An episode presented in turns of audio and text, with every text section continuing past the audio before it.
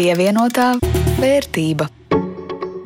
Sveicināti pirmdienā Latvijas radio ēterā raidījums Pievienotā vērtība. Raidījums par un ap naudas iegūšanas, tērēšanas un vairošanas lietām. Ar to studijā Rudīts Pakausks no Latvijas televīzijas un Jānis Ramāns no Latvijas radio. Šodien par apdrošināšanu, kur ilgstošo nozares karali dzīvības apdrošināšanu, no troņa gāzes veselības apdrošināšana, un arī par pasīvajām mājām, kuru pievilcību debesīs dzen augstās enerģijas cenas. Pievienotā vērtība. Recesija, recesija. Tas nu jau skan visās malās.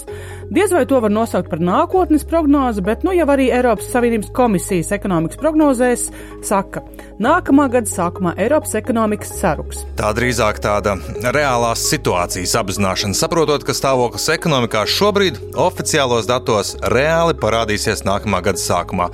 Pagaidām jau lielākajā daļā Eiropas dati nav nemaz vēl tik slikti. Eiropas kopējā prognoze gada sākumā ekonomikas izaugsme ar nelielu mīnuszīmi, bet gadu izdosies noslēgt ar pavisam nelielu izaugsmi - 0,3% plusā.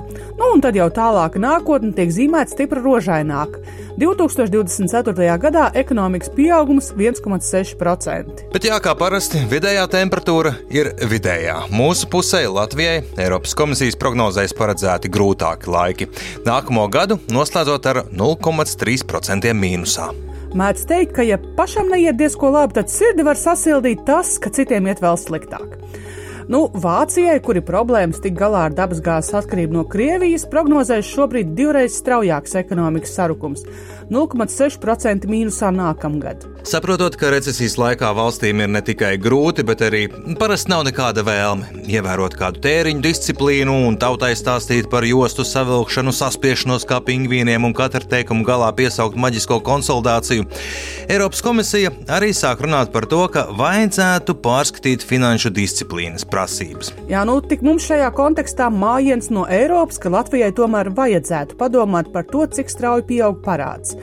Latvijas budžeta deficīts šogad izskatās, ka būs augstākais Eiropā - 7,1% no iekšzemes koprodukta. Bet mazliet par praktisko dzīvi degvielas cenām. Konkurences padomu izvērtējusi, cik pamatoti mainās degvielas cenas, kur mums kā patērētājiem neredz šķiet, ka tad, kad tās biržā kāpj, tad nekavējoties arī uzpildes stacijā ir augšu, bet kad biržā samazinās, tad līdz zemākām cenām mums parasti vismaz mazliet jāpagaida un jāpacieš līdz atnāks. Konkurences padomas secinājumi - degvielas cenu izmaiņas ir pamatotas un arī objektīvas. Tirgu konkurence ir pietiekama, lai gan tirgus ir oligopolisks.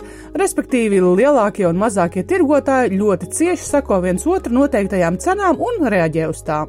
Brīžiem gan viss tirgus kopumā esot palielinājis savas peļņas daļas, bet Salīdzinoši tās esot visai niecīgas pēc konkurences padomas vērtējuma, un galvenokārt pie augstajām naftas un degvielas cenām nopelnījuši esot naftas pārstrādātāji, nevis tirgotāji. Ne, nu, un, protams, biznesa pasaulē nevaram nepateikt arī pāris vārdus par jauno Twitter īpašnieku Ilonu Masku.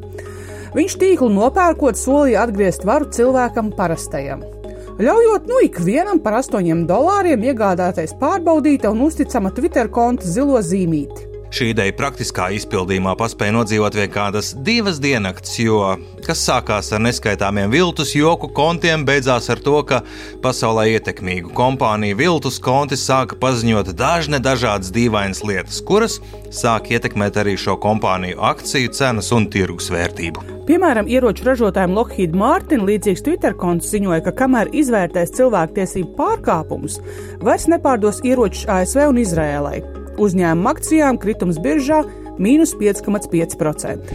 ASV medikamentu ražotājs Elija Lilija Viltvārds paziņoja, ka turpmāk insulīns būs bez maksas kritums tuvu 5%, un komisks ains Twitterī, kur kompānijas īstais konts spiest taisnoties, atvainoties, ka tomēr par insulīnu prasīs naudu.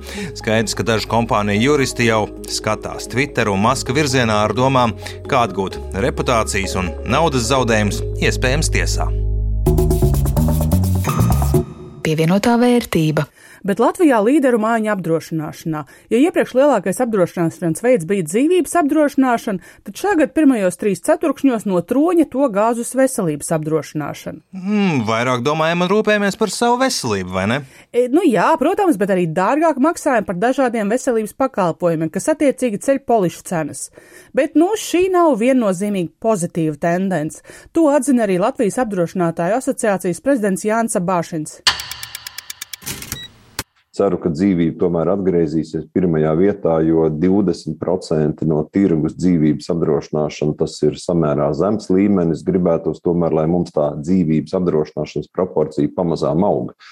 Jo, ja mēs skatāmies uz attīstītajām valstīm, tad tur dzīvības apdrošināšana ir, ir, ir savi 50 vai pat vietām 60 un 70% no kopējā tirgus.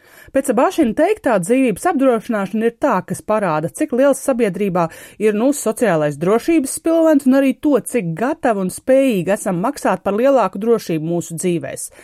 Nu, te jāpiemina, ka dzīvības apdrošināšanā ieskaita arī uzkrājošo apdrošināšanu, un pēc abašina teiktā šogad redzot mīnus uzkrājumos, daudzi izlēma izņemt uzkrāto. Mēs skatījāmies gada sākumā, tā, kad sākās karš, tad, eh, tad tur tas pieaugums bija pat pāri par 100% tajā atlīdzību pusē. Tagad trīs ceturkšņos tas pieaugums ir nostabilizējies vai nokrities uz 48%. Es domāju, ka tur saistībā ar visiem, ar karu un saistībā ar to, ka e, visi investīciju tirgi nobrauca lejā, kad bija daļa cilvēku, kuri šīs polises pārtrauca. Nu, plus cilvēkiem arī noteikti mazliet bažas māca par to, kā spēsim samaksāt par komunālajiem pakalpojumiem šoziem. Līdz ar to nu, tas, ko mēs jutām, bija tas, ka bija, bija diezgan daudzi klienti, kurus savus uzkrājumus ņēma ārā. Un īpaši tas bija pavasarī, tad, kad karš tikko sākās, tad tos uzkrājumus pavilka diezgan spēcīgi ārā. Tagad uz rudens pusi jau ir mazliet samazinājies, nostabilizējies, bet uh, nu, īsti labi un pareizi tas nebija. Jo tajā mirklī, kad, kad tirgi nobrauc lejā, cilvēks izrauj to savu uzkrājumu ārā. Nu, skaidrs, ka uh, cilvēks būtībā piefiksē zaudējumus, nu, kas nu, pagaidīs, būtu mazliet, mazliet pagaidījis, un tas tirgus būtu uzkāpis pamazām atpakaļ, un tie zaudējumi nebūtu. Bet nu, tā bija cilvēku izvēle, un viena daļa klientu jā, izvēlējās tajā mirklī polises pārtraukt un šos uzkrājumus pavilkt ārā. Šobrīd apdrošinātāji, tāpat kā vispārējie uzņēmumi, bažīgi skatās uz cenu kāpumu apdrošināšana arī ir tādā nu, inflācijas spirālē, un, protams, ka apdrošinātāji ir atkarīgi no, no tām nozarēm, kas nu, tos pakalpojumus apdrošinātājiem un klientiem visbiežāk sniedz. Nu, veselības apdrošināšanā, protams, ka tie ir kaut kādi veselības mm, pakalpojumu sniedzēji, no kuriem mēs esam atkarīgi. Un, ja tur attiecīgi šie izcenojumi ceļās, nu, tad apdrošinātājs grib, negrib, ir spiests no vienas puses mēģināt to polises cenu spiest uz augšu No otras puses ir klients, kurš mēģina to polises cenu spiest uz leju. Un no trešā, trešais spēlētājs šī visā tri, mīlas trīsstūrī ir apdrošinātājs pats, kurš mēģina savu efektivitāti kaut kādā veidā teiksim, pazemināt vai, nu, vai teiksim, uzlabot efektivitāti, lai, lai tās izmaksas, administratīvās izmaksas būtu lētākas un apdrošinātājs to polises cenu nebūtu spiests celt tieši mm, tikpat eh, par tiem pašiem procentiem, par kādiem auga veselības aprūpas pakalpojumu sniedzēja izcenojumi. Tā kā tas mīlas trīs stūris tur ir, un tā attiecīgi nu, tā, tas cīniņš tur notiek, bet uh, skaidrs, ka inflācija ir. Uh, Skaidrs, ka arī klientu skaits varbūt kaut kur nedaudz uh, ir pat pieaudzis par spīti tam, kad uh, viens otrs klients, kā, protams, šī mirklī nav tas, kas būtu spējīgs maksāt par veselības apdrošināšanu, bet uh, pārsteidzoši tomēr, tomēr vēl aizvien veselības apdrošināšana saglabājas kā tāds diezgan spēcīgs nu, vai pat ļoti spēcīgs motivācijas instruments. Kad pajautāju, vai apdrošinātāji neuztraucās par uzņēmēju vēlmi taupīt, nu, piemēram, atsakoties no darbinieku veselības apdrošināšanas polisēm. Abašins skaidro, ka polise tomēr ir būtisks darbinieku piesaistīšanas instruments vienos svaru kausos būs tādi uzņēmumi, kuri vienkārši fiziski un monetāri nespēs par šīm veselības apdrošināšanas polisēm vairs samaksāt. Un otros svaru kausos atkal būs tas, kad tomēr uzņēmēji centīsies šos vērtīgos kadrus saglabāt. Tā kā, nu, kurš no tiem svaru kausiem būs kurā laikā smagāks un, un nosvērsies uz vienu otru pusi, nu, to paskatīsimies, redzēsim. Pievienotā vērtība. Enerģijas cenu kāpums un energo neatkarības jautājumi, tajā skaitā vai maksājot par siltumu un gaismu, nemaksājam arī par to, lai Krievija varētu turpināt karu Ukrainā, tikai kāpinājas interesi arī par pasīvajām mājām. Drošākais enerģijas veids, tas tāds vecs teiciens, ir, sacamies, nevis megavats, bet negavats. Tātad, nu, teiksim, enerģijas vienība, kuras nav, kur nav vajadzīga. Nu, Pasīvā balstās pēc šī principa. Ja, tad, ja mums nevajag šo te, nu, tiksim, siltuma enerģiju, mums ir tiešām pilnīgi vienalga, cik viņa maksā, neatkarīgi no kā viņa tiek radīta. Ja. Stāsta biedrības Passive House Latvija valdes loceklis Krišjāns Kaunciems. Un, lai gan daudziem joprojām liekas, ka pasīvā māja tas nav visiem, tagad tā vairs nav, viņš skaidro. No sākuma tiešām tās būvēja, nu, varētu teikt, zaļie frīki, vai arī cilvēki, kas diezgan labi saprot būvfiziku, ja, un saprot, nu, tās priekšrocības, ko šī ēka sniedz. Tas ir sākums, kad ir Latvijā tas pirms 13 nu, gadiem, arī aptuveni 12. Vācijā pirms 30. Nu, tad kopumā pasīvās ēkas ideja ir gada 30 vismaz. Ja? Un, un kā jebkurš nu, teiksim, produkts, nu, viņš iziet šo ciklu. Un līdz ar to šobrīd tas nav bagātajiem, trakiem, šobrīd tas ir faktiski visiem. Aizvadītajā nedēļā daudz Latvijas pasīvās mājas vēr durvis interesantiem un rādīja, kas un kā. Manas bažas par to, ka pierīgas ciemata muģeklīgajās ielās neatradīšu vajadzīgo māju, bija pilnīgi nepamatots. Īstā māja ir tā, pie kuras auto salikt tik daudz, ka liek domāt par lielveikalu autostāvvietu. Dienvidu pusē uz logiem iestrīd iekšā 2128 kWh. Pašā mājā šobrīd vēl līdz galam nepabeigtā sajūta ir kā kārtīgā lielas dzimtas salidojumā. Interesantu vidū gan sirmi kungi, gan jaunas ģimenes, un īpaši daudz brīvas vietas nav.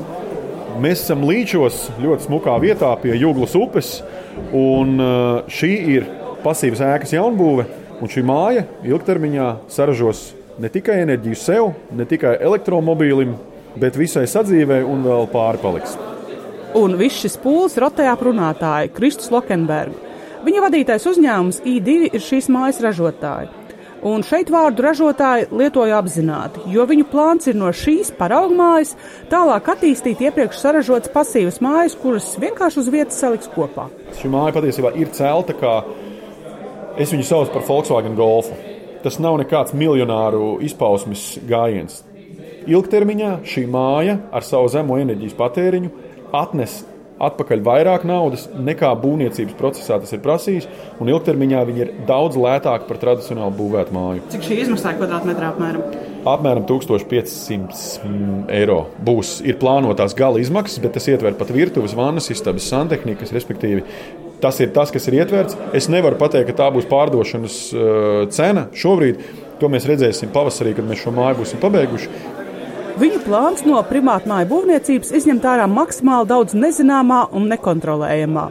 Un tas nozīmē arī atteikties no gadiem izdzīvojušajām būvniecības tradīcijām par blatiem un dabūšanu lētāk. Problēma ir tāda, ja katra būva ir unikāla, tad pa ceļam ir daudz nezināmo un tas kropļo situāciju. Pēc idejas, ja māja tiek atkārtota savā konstruktīvajos, ideoloģiskajos risinājumos un tiek mainītas krāsiņas, nu, kaut kādas ļoti nenozīmīgas lietas, bet uh, netiek mainīts konstruktīvi elementi. Rūpīgi runājot, ja man cilvēks saka, man draugs strādā, es nezinu. Zāģētavā, un viens man strādā kopņu ražotājā, un man ir pazīstams betonētājs, un es zinu, vēl, saku, nē, man tas neinteresē. Mašīna būs domāšanā. Mums ir piegādātāja ķēde, mums ir veids, mums ir sistēma, kā mēs to darām, un mēs šo sistēmu mēģinām atstrādāt precīzi un nopulēt. Tieši kā ražošanā. Mums pa vidu nedara iejaukšanās un procesu izmaiņas, Tādējādi mēs varam noprognozēt izmaksas. Un šīs izmaksas mums ir jāskatās, lai būtu vienkārši samērīgas un konkurētspējīgas. Nu, no ekonomikas likuma viedokļa loģiski. Man pat prātā, piemēram, neienāktu, ka šķīva lētāk un labāk ir taisīt pašai no māliem, nevis nopirkt veikalā. Lai gan, nu, teorētiski māli ir pieejama par baltu velti, tikai jāparok. Pēc Kristus Lokenberga domām darīt profesionālāk, beigās sanāk arī lētāk. Bet māju var uzcelt optimālāk. Viņu var celt mazāku, viņu var celt prefabricētāku, viņu var celt tiešām gudrāku un ietaupot celšanā izmantoto laiku. Mēs varam labāk kompensēt to labos materiālos. Un labos materiālos atkal ir ātrāka un precīzāka būvniecība, kas stimulē viens otru. Tāds. Tas bija, jo labāki materiāli, jo vieglāk būvēt, jo vieglāk būvēt, jo ātrāk būvēt, jo ātrāk būvēt, jo vairāk naudas ietaupīts. Un tādējādi tas ir ļoti, ļoti ciklisks un, un, un, un manuprāt, loģisks būvniecības turpinājums. Ar Krišānu Kalnciem no biedrības Passive House Latvija aizrunājāmies arī par to, ka pasīvo māju stāsts nav tikai par izdevumiem un enerģiju. Ēka, ģimenes māja ir lielākā cilvēka investīcija dzīvē. Reti kurš, nu, 100 tagad vairs ne, bet 200 tūkstošus ieguldījis akcijā. Nu, kā to pēdējo naudu, ja kā saka. Latvijā tādu cilvēku nav pārāk daudz, bet nu, pa māju nu, tā ir tā cena, kas tagad tirgu ir. Nu, savādāk pierīgāks mums. Ja? Šobrīd viņš rēķina, ka pirms desmit gadiem uzcelt kvalitīvu pasīvo māju varētu būt bijis labākais investīciju lēmums. Zeķē naudu sagrauzusi inflācija, akcijās apdriskājas tirgus kritums. Bet, ja tu esi uzbūvējis pasīvo ēku par 100 tūkstošiem, tādā būvniecības cena indekss ir apmēram 65, nu, no pa desmit gadiem. Ja? Tad, tagad tu tādu pašu ēku vari uz, uzbūvēt par 165 tūkstošiem, ja? nevis 100 tūkstošiem. Nu, tā, tā, tā, tā, tā ir nosacīta tagadējā cena, jo ēkas tā kā nav veco. Ņemot vērā, ka viņi faktiski netērē enerģiju, nu, tā arī tirgus vērtība pienāk klāt kā 25,000. Nu, un šajā laika posmā tu esi ietaupījis 10, 15,000 uz siltumenerģiju. Tātad tev 100 tūkstoši ir dubultojušies. Ja? Nu, te gan noslēgumā jāpiebilst. Raugoties atpakaļ, mēs visi esam gudri, kur bija jāinvestē. Turklāt peļņa pagātnē negarantē, ka tāds notiks arī nākotnē. Nu, kā jau ar visām investīcijām uz šīs pasaules. Pievienotā vērtība. Atgriežoties pie akcijām, Baltijas biržā aizvadīta laba nedēļa. Lielākais kāpums Tallinā 1,12%, plusā Viļņā 0,64%, bet Rīgā pieaugums par 0,6%. Manā portfelī arī nedēļas laikā plusi. No 400 eiro pirms nedēļas, nu vērtība ir 401,54 eiro. Nu, sīkums, bet patīkami. Kā tev klājies? No 424 uz 437 eiro nedēļas laikā. Un skaidrs, ka patīkams portfeļa vērtības pieaugums, mazliet uh, vairāk par sīkumu pieaudzis. Nu, atliek vien cerēt, ka recesijas prognozes jau akciju cenā ir ierēķinātas un ka pēdējo pāris nedēļu optimismam akciju tirgos arī ir kāds reāls pamats pievienotā vērtība. Ar to arī skan raidījums pievienotā vērtība. Ar jums kopā bija Jānis Ramāns no Latvijas radio un Rudīts Pakausks no Latvijas televīzijas. Par skaņu rūpējās Kaspars Groskaps. Uz uh, sadzirdēšanos pēc nedēļas atgādināšu, ka šo un citus raidījumus var noklausīties gan Latvijas radio mājaslapā, gan jūsu iecienītākajās raidierakstu klausīšanās vietnēs, gan arī īpašajā un atļaušos teikt arī visai veiksmīgajā Latvijas radio mobilajā lietotnē.